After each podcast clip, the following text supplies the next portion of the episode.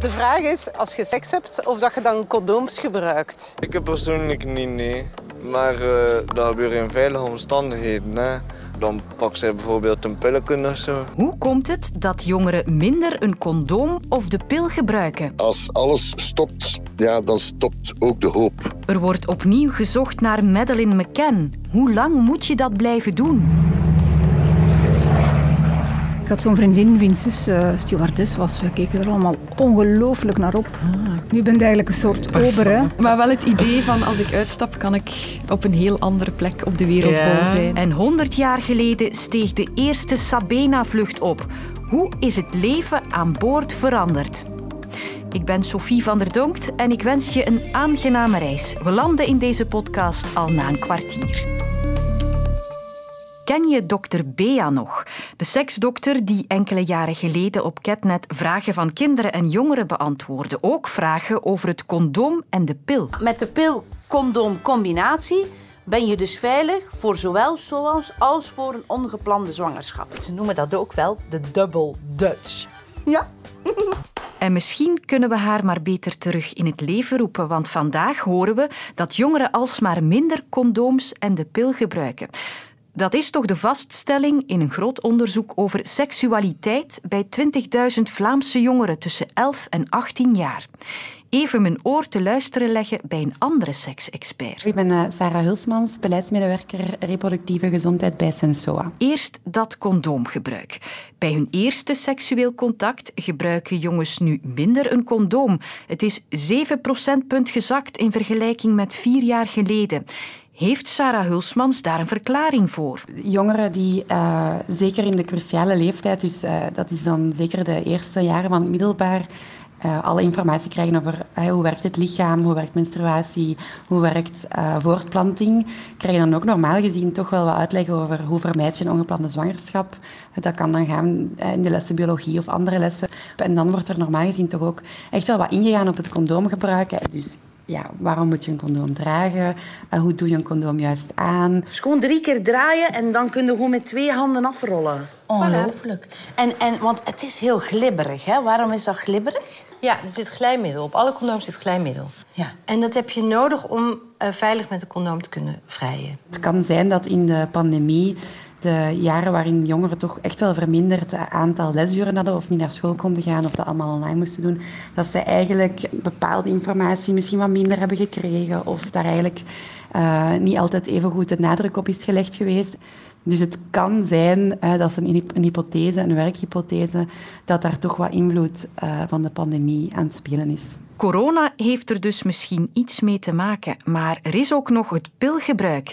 73% van alle bevraagde meisjes nam in 2018 de pil op het moment van hun meest recente seksuele contact.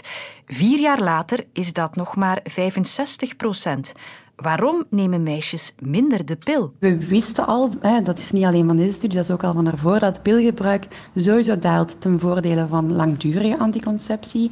Langdurige anticonceptie, daar moet je dan denken aan uh, vooral het spiraal, een koperspiraal of een hormonaal spiraal. Vroeger leefde heel veel het idee van um, als je een spiraal wauw, moest je al een bevalling hebben meegemaakt. Maar we weten eigenlijk dat dat helemaal niet waar is. Elk meisje of persoon met een baarmoeder kan een spiraal laten zetten. En die verschuiving is al eventjes bezig. We wisten dat al, dat dat zeker bij hè, wat oudere vrouwen dat dat al aan het gebeuren was. Dus het is natuurlijk ook logisch dat dat zich doorzet in die, of in die jongere generatie. Dat is op zich niet slecht. Hè. Uh, langdurige anticonceptie is... Het voordeel daarvan is natuurlijk dat het langdurig is. Vaak dat het eenmaal wordt gezet en dat dan uh, de jongere of de vrouw of het meisje daar eigenlijk niet heel lang aan moet denken of niet elke dag mee moet bezig zijn. En ook voor jongeren tot en met 25 jaar wordt, er, wordt die langdurige anticonceptie ook terugbetaald. Langdurige anticonceptie heeft dus veel voordelen, maar dat is niet het enige.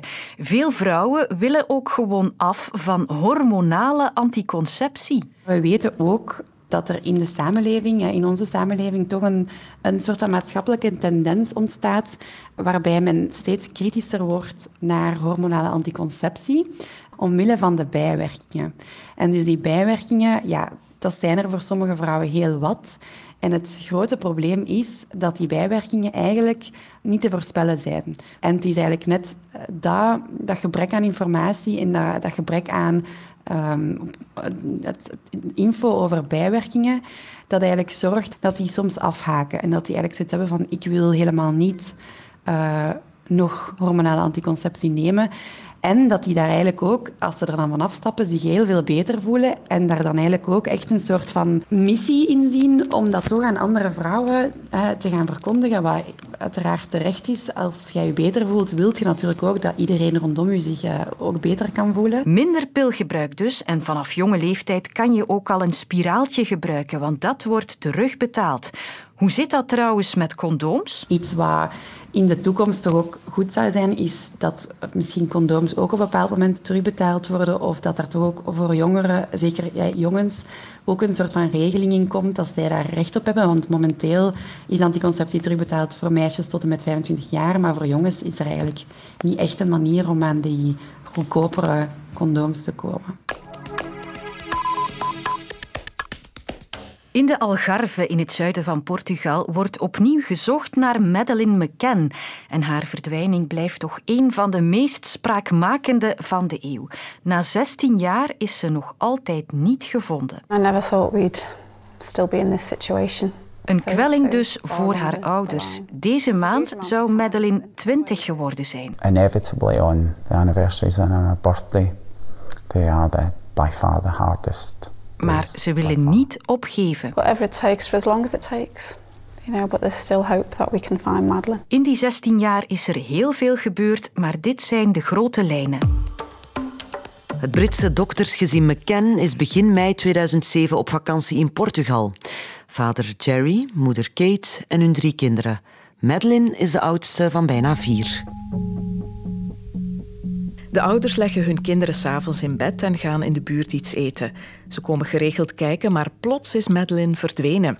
De zaak wordt een van de meest gemediatiseerde ooit. Iedereen kent het gezicht van het blonde meisje. En hoe langer ze weg is, hoe meer theorieën de kop opsteken. De Portugese politie verdenkt ook een tijd haar ouders. Als ze in Portugal stoppen met het onderzoek, blijven Britse speurders wel zoeken. Veel mogelijke verdachten komen in beeld, maar een doorbraak blijft uit tot een Duitser vorig jaar de eerste officiële verdachte wordt. Het is iemand die toen in de buurt woonde en voor andere misdrijven in de cel zit. Maar in de zaak van Madeleine doet hij nooit bekentenissen. Toch wordt er nu gezocht in de buurt van een stuwmeer waar die Duitse verdachte in der tijd rondhing. Wat moet de familie nog hopen en heeft dit allemaal nog wel zin? Een vraag voor het gezicht van de cel vermiste personen bij ons.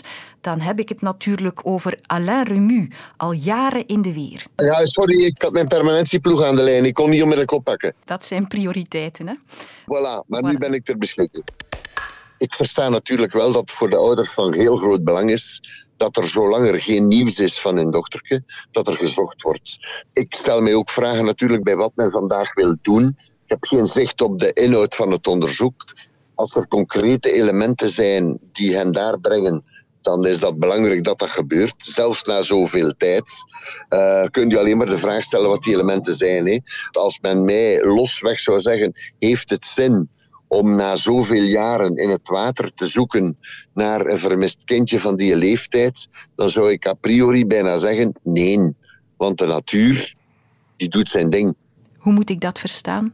Wat ik bedoel, dat is dat je met de natuur een belangrijke tegenstrever hebt. De natuur kan ervoor zorgen dat menselijke resten opgeruimd worden door de natuur. Een kindje van die leeftijd, dat is een beetje te vergelijken met de zaak van onze kleine Liam van den Branden in Mechelen. Mhm. Als we er daarvan uitgaan dat Liam in het water zou terechtgekomen zijn, ja, dan zijn er verklaringen voor het feit dat we hem nooit hebben gevonden. Want de natuur doet zijn ding. Ja? En, en dat zou kunnen in een zaak zoals met die als er daar over het water gesproken wordt. Als men daar moet zoeken naar een lichaam al die jaren, dan zou ik zeggen, dat is wellicht onbegonnen werk. Tenzij men informatie zou hebben dat bijvoorbeeld een lichaam op een of andere manier verpakt in een zak, in, in een kist of noem. Als er zo informatie zou zijn, dan wordt het misschien wel weer zinvol. Nu natuurlijk, het is altijd begrijpelijk dat ouders zeggen blijven zoeken zolang wij ons kind niet gevonden hebben.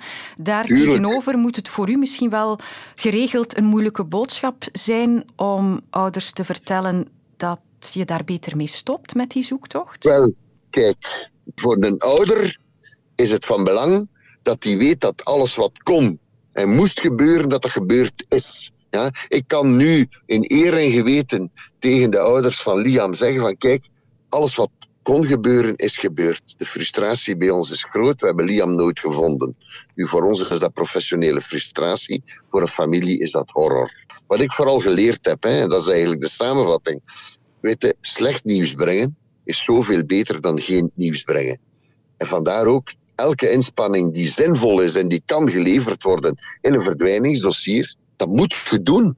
Dat moet je doen. En ook na 16 jaar gaat dat nog altijd op. Hè? Bedankt voor uw tijd. Dag, prettige dag. We vliegen nu 100 jaar terug in de tijd. Het is dus 23 mei 1923. We staan op een vliegveld, nog geen luchthaven, in Haren bij Brussel. Een vrachtvliegtuig staat daar op het punt om te vertrekken naar Lynn in het Verenigd Koninkrijk. En daarmee is de eerste vlucht van de kersverse vliegtuigmaatschappij Sabena een feit. De Société Anonyme Belge de l'exploitation de la navigation aérienne. Sabena ging failliet in 2001, maar ook 100 jaar na de eerste vlucht spreekt Sabena nog tot de verbeelding van velen. Niet het minst van collega Nico Cardone. Hij kan ons vertellen wat er in die tijd veranderd is aan boord. Wat is er niet veranderd? Hè? Als je het nu echt hebt over 100 jaar geleden, die eerste vlucht, ik denk dat alles veranderd is. Toen had je echt oude legervliegtuigen die gewoon gauw omgebouwd waren tot vliegtuigen voor, voor mensen. Men had helemaal geen materiaal aan boord. Hè. De eerste vlucht naar Congo was al letterlijk op het zicht. Hè. Af en toe eens een beetje naar beneden gaan en kijken met een kaart van ah, dit is die stad. Ze zijn toen ook boven de woestijn verloren gevlogen. Daarom hebben ze er ook 51 dagen over gedaan. Eh, dat is natuurlijk allemaal anders. Ja, wat is er niet veranderd? Alles is veranderd. De balans van de Sabena zal voor 1964 weer een deficit aanwijzen. De maatschappij doet wel goede zaken, maar haalt daar gewoon niet genoeg geld uit. Dit zijn de hoofdpunten. Sabena is failliet. Mijn kinderdroom was eigenlijk altijd om bij Sabena te werken. Dus toen ik elf jaar oud was en Sabena failliet ging, was dat voor mij echt mijn toekomst die ik in rook zag opgaan. Ik heb ook achteraf echt in de luchtvaart gewerkt, bij de opvolger van Sabena, zeg maar, bij Brussels Airlines. Ik ben daar twee jaar steward geweest, in de periode 2016-2017. En voornamelijk op lange afstand. Geïnteresseerde vrouwen moeten voor een beoordelingscommissie verschijnen. Een euh, hôtesse doit avoir plus de 21 ans et moins de 30 ans. Oui. Elle doit être célibataire, peut vous divorcer sans enfant. La taille limite, elle n'est pas indiquée dans l'autre sens. Donc que la personne soit, disons, harmonieuse. Ja, verschrikkelijk, hè? Dat is wat ze daarop oordeelden. Dat, dat past bij die tijd natuurlijk. Hè. De, de, de Aerostest, dat moest echt een, een elf zijn, een verschijning uit de dromen. Ik denk dat we daar vandaag veel minder mee bezig zijn. Uh, er zijn bepaalde fysieke kenmerken waar je wel nog aan moet voldoen. Bijvoorbeeld, je moet groot genoeg zijn om de handbagagevakken dicht te kunnen doen, maar geen fysieke kenmerken puur uit esthetische redenen. We moeten alles, alles, alles kunnen regelen op 10.000 meters. Dus we hebben een training met ieder jaar terug examen en oefeningen. Bij de brandweer waren we dan onder andere ook. En hoe blus je dan een pan die op het vuur staat en waar de vlammen in de pan beginnen te spatten? Mensen die sterven aan boord, vrouwen die zwanger zijn en opeens, ah, voilà. We zijn op de hoogte om alles te kunnen doen. Ja, dat is nog helemaal hetzelfde, inderdaad. Uh, ik heb zelf ook een opleiding gehad met de brandweer in een soort simulatievliegtuig waar branden in uitbraken die je allemaal moest kunnen blussen. Wij hebben een medische opleiding gehad die ook elk jaar opnieuw moest doen, want natuurlijk heel veel van die medische onderdelen die moet je gelukkig nooit in de praktijk doen. Maar ja, als je dat jaren niet meer traint, dan ben je natuurlijk helemaal vergeten dat dat zover is. The insiders, the experienced business travelers, choose to fly Sabina Ah, de, de nostalgie naar de luxe. Nu, ik moet wel eerlijk zeggen, die luxe van weleer, die bestaat nog steeds. Maar die is ook nog steeds voor de mensen voor wie het toen was. Namelijk de happy few, die het kunnen betalen. Als je dus opzoekt op lange afstandsvluchten, die business class cabines, die zijn er zeker niet op achteruit gegaan. Als je er het geld voor over hebt om in business class te vliegen, dan krijg je nog steeds uh, zilveren bestek en, en tafellakens en glazen waar ook altijd het logo op staat. En als dan toevallig je sacoche zou openstaan, dat valt daar nu toevallig in, je hebt dat niet gezien, ja, dan, dan heb je er ook eentje thuis. Niet dat je dat mag doen, don't do it.